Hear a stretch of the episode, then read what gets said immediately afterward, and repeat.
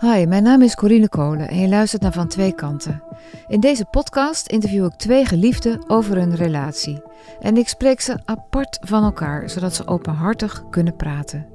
Deze week zijn dat Jantien en Sanne. Al tijdens de tweede date laten ze elkaar weten dat ze kinderen willen.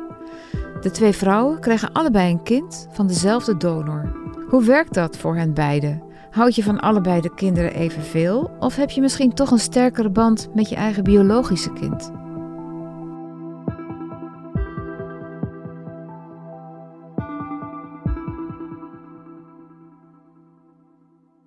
Een beetje ingewikkeld, maar onze exen, die kenden elkaar. Bij ons allebei ging het een dag na elkaar uit met die exen. En nou, drie weken daarna of zo uh, ja, was ik eigenlijk benieuwd van hoe het met haar dus ging. Ik geloof dat ook wel oprecht, dat zij wel zoiets had van, nou, laten we het er gewoon over hebben en uh, eens even praten met elkaar. Een soort lotgenoten. Ja, precies. En daar had ik niet zo'n zin in, want ja, ja, zitten we daar als twee weduwen bewijzen van uh, te rouwen over wat er is gebeurd. Ja, ik, ik had gewoon zoiets van, oké, verder. hey, en dat ben je ook gaan doen, heb ik even verder. Ah ja, maar niet echt verwacht dus ja, wij woonden geloof ik binnen vijf maanden samen. binnen twee jaar waren we getrouwd. En mijn tante zegt altijd van ja, wat, wat goed is gaat snel. En uh, dat, ja, dat vond ik in dit geval ook wel. Ja, die verliefdheid die was er zeker in het begin. Niet zoals ik voor het eerst verliefd ben geweest. Omdat het, ja, je wordt wat ouder en je weet wat beter wat je wil. Dus er zit, zit een soort van het is niet ten koste van alles. Het was meer vanuit een houden van al veel sneller. Ik had al twee relaties gehad, dus ik wist een beetje van dit wil ik wel eh, en dit wil ik niet meer. En ik merkte dat wij zoveel overeenkomsten hadden. En ik vond haar rust uitstralen. Uh, en ja, dat was toch ook wel bij andere relaties. Dan was er nog te veel onrust uh, bij de ander. Wat ook weer onrust bij mij gaf. Van ik moet dit nog doen en dat en dat moet allemaal nog. En bij haar voelde ik dat eigenlijk niet. Alleen zo, zoals jij het nu zegt, klinkt het heel erg degelijk. Ja, misschien is het dat ook wel. Hou je daarvan, van degelijkheid? Mm, ja, ik ben niet. Uh, ik ben wel iemand die van, uh, van veiligheid houdt, denk ik wel. Ja, ik denk als je mij dit had gevraagd toen ik uh, studeerde in Nijmegen en in de gordijnen hing, elk weekend op pad en overal wat te ontdekken, dan, dan, had ik gezegd dat ik een vrijheidsstrijder ben. Maar ik denk dat ik er nu wel achter kom dat ik daar toch wel het goed op doe. Hadden jullie het ook meteen al over toekomst met kinderen? Ja. ja, Sanne zei laatst toevallig nog, ik was dat helemaal vergeten, dat is dan te lang geleden, dat ik al vrij snel wel aan haar had gevraagd van wil je kinderen? Uh, ja, vanaf de, de tweede date um, zaten we eigenlijk bij de zaak in Utrecht en daar zaten we een krantje te lezen, cappuccinootje erbij.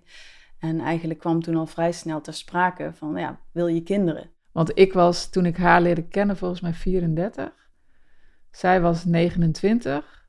En ik dacht wel van ja, 34, ik wil, ik wil het wel graag weten, want ik vind haar wel heel erg leuk. En straks ga ik haar te leuk vinden. En straks zegt ze, nee, ik wil absoluut geen kinderen. Ja, dan zou dat voor mij toch wel denk ik een punt zijn. En ik zei, ja, ja ik wil wel kinderen.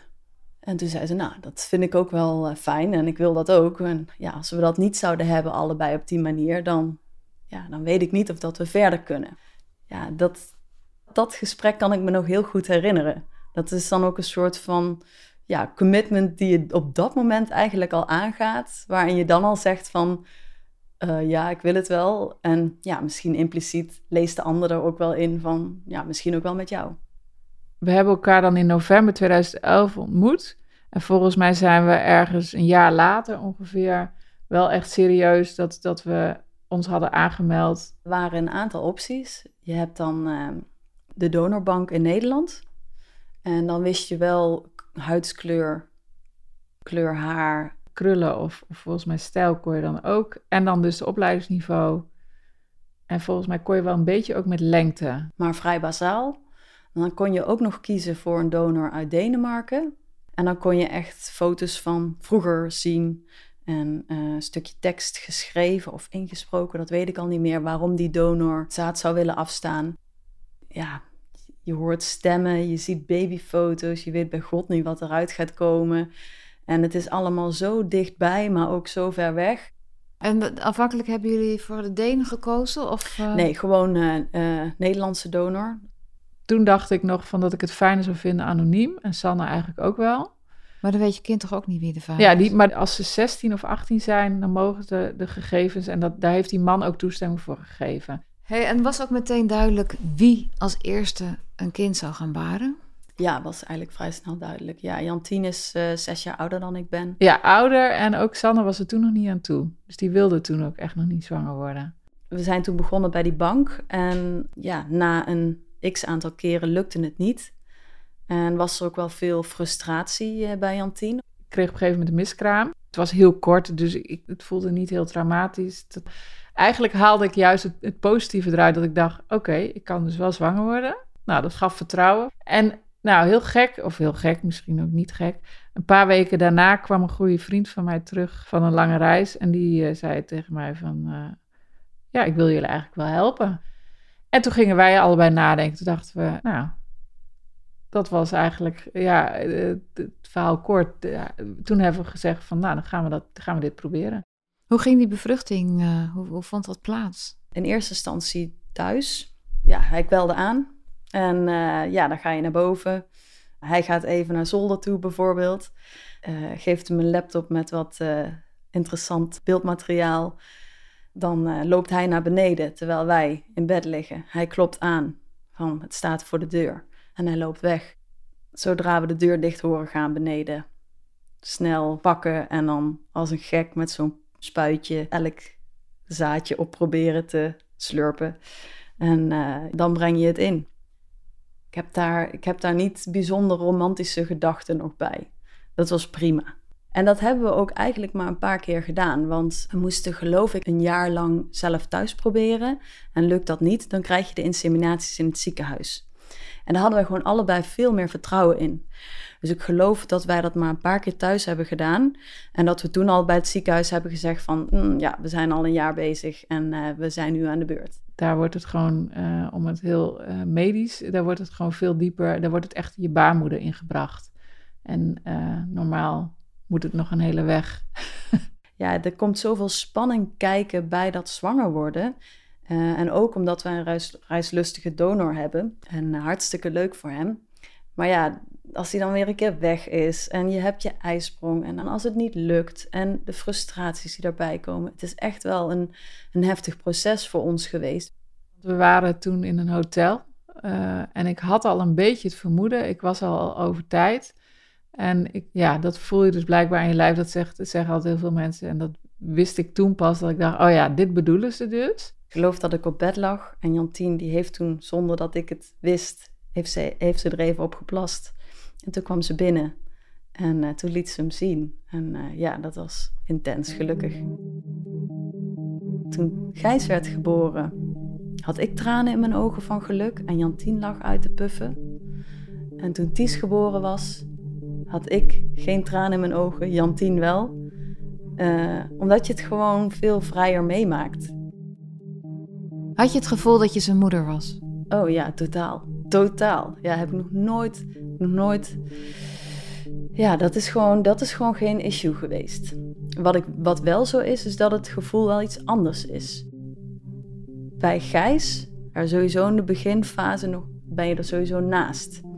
Jantien draagt het kind in zich, uh, voedt het, heeft verlof. Ja, en jij staat daar als partner, sta je ernaast. En als Jantien bijvoorbeeld overstuur was over iets, dan zei ik van, ah, komt toch goed, of uh, hè, maak je niet druk. En uh, soms dacht ik wel, oké, hormonen. Um, en dat was helemaal omgedraaid toen, uh, toen Ties kwam. De zorgen die zij nu over Ties heeft, had ik toen over Gijs. Alleen toen dacht zij nog, oh, dat Jantien, die is gewoon, ze was meer een stempel over Jantien, maakt zich snel zorgen. Uh, dus dat zal dan wel daarbij horen. En nu heeft Sanne dat precies hetzelfde, maar dan bij Ties. En nu maak ik me minder zorgen. Ik maak me natuurlijk wel, ik kan me ook zorgen maken om Ties, maar het is meer dat moederinstinct. Dat voelt Sanne nu bij Ties veel meer dan ik dat heb. Ik denk meer van, nou, volgens mij valt het wel mee, we doen dit of dit even. En Sanne denkt gelijk van, nou, misschien moeten we de dokter wel bellen. Toen op een gegeven moment was Jan, uh, lag Ties in bed En eh, ik had misschien net iets gelezen over dat een, dat een kind nog suf is en niet lekker wakker wordt. En hij werd niet lekker wakker en moest eerst heel hard huilen en wilde daarna niet wakker worden. Ze schudden een beetje door, een klein beetje, mag niet te hard, klein beetje door elkaar en hij wilde gewoon niet wakker worden. En toen ben ik naar, met de auto, uh, hals over kop, uh, naar het ziekenhuis gereden met de auto. Geen 112 gebeld. Uh, maar ik dacht gewoon, ik moet met hem zo snel mogelijk naar die eerste hulp. En kan me niks schelen wat, wat er gebeurt. Ja, ja, dat is gewoon dat Jantien mij tot rust moest manen. Van ja, doe gewoon relaxed en er is niks aan de hand. Maar goed, als jij het wil, dan kun je hem even laten controleren. Het is inderdaad misschien wel een beetje apart dat hij nu in zo'n diepe slaap is dat we hem niet helemaal wakker kunnen krijgen. En uh, nou, toen zat ik bij het ziekenhuis met hem buiten. Was coronatijd? Ja, het was net coronatijd. En uh, zat ik daar, want ik mocht niet naar binnen uh, met hem. En hij was gewoon lekker rustig om zich heen aan het kijken en niks aan de hand. Want jij zegt dus eigenlijk ehm, dat, dat, dat die, die twee kinderen, dat is, dit is echt, Gijs is echt jouw kind en Ties is dan echt Sanne's kind. Nee, ja, nou, daar hebben we dus wel eens over gehad. Nee, zo voelt het dus niet. Ties is ook wel echt mijn kind. Ik ben er gewoon vanaf seconde uh, één bij. Wat we ook naar elkaar hebben uitgesproken, wij houden van allebei echt evenveel. Maar dat is wat je wil, of is dat ook zo? Nee, het voelt ook echt zo. Nou, het is bij mij wel gegroeid, laat ik het zo zeggen. Dus toen Ties net kwam, dan snap ik dus ook wat een man wel eens zegt: van ja, wat moet ik met een baby? Die, uh, die huilt alleen maar, die wil alleen maar wat drinken en, en heeft vieze luiers. Maar dus toen Ties geboren eh, werd, had ik wel gelijk wel dat ik... Ik voelde wel heel veel. Echt zo van, oh, fantastisch, hij is er. Alleen toen Ties uh, heeft in het begin ook best wel veel gehuild... omdat het, de, de borstvoeding nog niet gelijk goed liep en dat soort dingen daarin voelde ik wel een beetje een afstand. Ik kon daar gewoon niet zoveel in doen. Dus ik nam die, ik, ik nam die afstand ook. Het houden van is evenveel, maar het zorgen voor, dat is anders. Bij Gijs denk ik eerder van, oké, ik moet er wat mee. Ik moet er wat mee. En bij Ties denk ik al snel van, niet dat Sanne er dan wat mee moet, maar meer van, het zal wel niet zo erg zijn. Of uh, ik denk dan niet gelijk aan het ergste. Zoals Ties ook gaat praten en ook meer zijn gevoelens kan uiten met woorden, dan weet ik niet of dat hetzelfde blijft. Of dat dat ook wel. Uh, want dan gaat hij ook dingen tegen mij vertellen. En weet je, dan bouw je toch misschien een andere, nog weer een andere band Hoop op. je dat? Nou, wel inderdaad. Uh, uh, ik heb alleen maar zin om hem nog beter te leren kennen. trots zijn op je kind als hij iets doet. Of dat is gewoon precies hetzelfde. Of het. Of het als ik met Gijs ga zwemmen. Of de, de leuke dingen die we doen. Of ja, dat is, dat is echt wel, denk ik, ja, denk ik precies hetzelfde. Alleen het zit hem in de, de bevalling van Gijs heb ik heel, als heel mooi ervaren en heel fijne gevoelens. En, en bij Ties was het ook heel mooi en ook heel fijn, maar ook heel veel zorgen. En daarbij had Jantien gewoon die zorgen wat minder. Maar zou je willen dat je, zou je wensen, zou je het fijner vinden als je dezelfde primaire reacties had bij de een als bij de ander? Of denk je van het hoeft helemaal niet? Nee, nee, nee, nee, dat is helemaal goed zo. Want um, onze rollen zijn zo mooi verdeeld nu. Uh, we hebben het allebei mogen meemaken, hoe mooi en hoe heftig en intens het is. Maar we willen het allebei ook maar één keer meemaken. Waarom?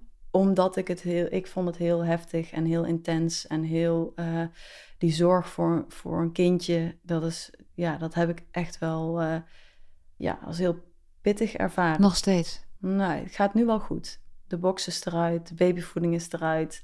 Het wordt echt al een kereltje. Nee, wat, wat, wat, wat ik misschien wel leuk had gevonden, is als ik iets van biologische kenmerken in Gijs terug zou zien. Een karaktereigenschap of een, uh, een uiterlijk kenmerk, wat ik bij Ties wel zie. En dan, uh, ja, dan kijk ik babyfoto's van mezelf en die van Ties. En dan kan ik echt zo de gelijkenissen zien. Dus dat, ja, dat is inderdaad wel jammer. Ja, dat, dat, dat dat niet kan als je geen hetero bent of op, ja, als je een donor nodig hebt. Lijken ze op hem? Nee, nee. Gijs lijkt qua uiterlijk ja, meer op mij dan op hem. En eigenlijk bij Ties is hetzelfde geval. Lijkt Ties meer op Sanne dan op hem. Maar voelt hij zich de vader van die kinderen? Ja, we noemen het eigenlijk allemaal niet echt vader. Maar hij is natuurlijk wel de, ja, de donor. Waarom noem je het geen vader? Ja, nou voor de kinderen vooral noemen we het geen vader. Hij, is, hij heeft geen rol in de opvoeding. Dus wij, wij hebben, uh, Gijs weet het inmiddels ook. Ook als ze ouder zijn uh, en ze willen hem zien, dan kan dat gewoon ook altijd. Staat hij ook open voor. Want het is nog steeds gewoon een vriend en hij komt hier af en toe ook. Maar wij willen ook gewoon kijken wat de jongens willen. En uh, we hebben dan, toen Gijs al wat kleiner was, zijn we er wel mee begonnen met... Uh, Gijs, je hebt een eitje en een zaadje nodig. En wij hebben natuurlijk geen man dus op die manier hebben we dat, dat uitgelegd. En hij snapte er nog helemaal niks van. Het boeide hem ook echt helemaal niks. Hij ging weer over op de orde van de dag. Maar we hebben het zo een paar keer herhaald. Laatst zei ik nog een keer van... Gijs, weet je wel, van het eitje en zaadje? Ja, ja, ja. En toen noemde hij de naam uh, van, uh, van de donor. Heeft Gijs het wel eens over kinderen die dan papa's hebben en zo? Of niet? Hij, ja, daar heeft hij het wel eens over. Maar het is voor hem... Uh, tenminste, zo, zo legt hij het ook wel eens aan ons uit. Van, ik heb gewoon twee mama's, punt. Dus hij weet, kinderen hebben papa's. En papa's zijn in zijn beleving ook altijd heel groot. Maar hij heeft nooit, ook bijvoorbeeld bij Vaderdag op school, dan maakt hij, heeft hij al een paar keer iets voor de opa's gemaakt. Hij heeft twee opa's. Uh, maar hij heeft de laatste keer met Vaderdag heeft hij wat voor ons gemaakt. Had hij gewoon voor zijn beide mama's. Want ik heb gewoon, ik heb geen papa, ik heb twee mama's. Dus zo is het voor hem. En zo legt hij het ook aan andere kinderen uit. En voor hem is het niet gek. Maar als ik jou zo hoor, zijn de verschillen tussen hetero stellen met kinderen en, en jullie eigenlijk niet zo heel erg groot. Heb je zelf dat idee ook, of niet? Nee, ik denk wel dat er wel uh, een verschil is. En daar heb ik bijvoorbeeld ook wel, bijvoorbeeld wel eens met mijn moeder over. Bij ons zijn er twee mama's. En uh, je hebt altijd natuurlijk in een relatie dat uh, eentje meer de regeldingen doet. Je hebt altijd wel een taakverdeling. En dat is bij man en vrouw volgens mij ook niet altijd zo dat de vrouw altijd. Die kan ook klussen. Weet je wat? Daar zit. Maar bij ons is wel, denk ik. Uh, wij doen allebei eigenlijk alles. Dus wij doen allebei de was. Wij, doen, uh, wij regelen allebei cadeautjes voor juffen. Nu heeft Sanne vandaag cadeautjes gekocht. Blijkbaar is het morgen juffendag. Geen idee. Dat houdt zij dus nu veel meer in de gaten. Maar dat doet ze eigenlijk pas sinds en dat is denk ik dan het verschil wat ik wil aangeven. Omdat wij allebei hebben wij een kind gedragen. We hebben dus allebei hormonaal voelen wij, hebben we dat moedergevoel. Uh, staat zij veel meer aan, vind ik. Dus je zou eigenlijk zeggen dat uh, veel meer vrouwen met z'n tweeën kinderen moeten, moeten krijgen. Dat is veel beter dan met die mannen die steeds hun. Uh, ja, nee, dat, hoor je, dat, dat, is niet wat ik. nee, ja, dat, weet je, het gaat uiteindelijk natuurlijk om de liefde tussen twee mensen. Wat is voor jou liefde? Ja, dat is wat ik aangaf. Dat, dat, dat gevoel dat, dat dit onvoorwaardelijk is. Dat je gelukkig bent als iemand thuiskomt. Dat je dingen wilt delen. Vanmiddag heeft Ties voor het eerst op potje gepoept en geplast. En uh, nou, dat je dan gewoon liefst meteen een berichtje wil sturen. En dat het bij elkaar zijn, dat dat meer voelt als een vanzelfsprekendheid. En daarin, ja, dat klinkt misschien gek, maar zoek ik geen enorme, uh, hele heftige gevoelens. Want dat soort gevoelens uh, in de praktijk heeft dat mij nog nooit iets gebracht, namelijk. Want het komt vaak voort uit het gevoel dat je iemand niet kunt krijgen en dat het spannend blijft of zo. Dus dat het, dat het onbereikbaar is. En dit is, dit is niet onbereikbaar. Dit is gewoon, dit is er gewoon. Het is gewoon super fijn.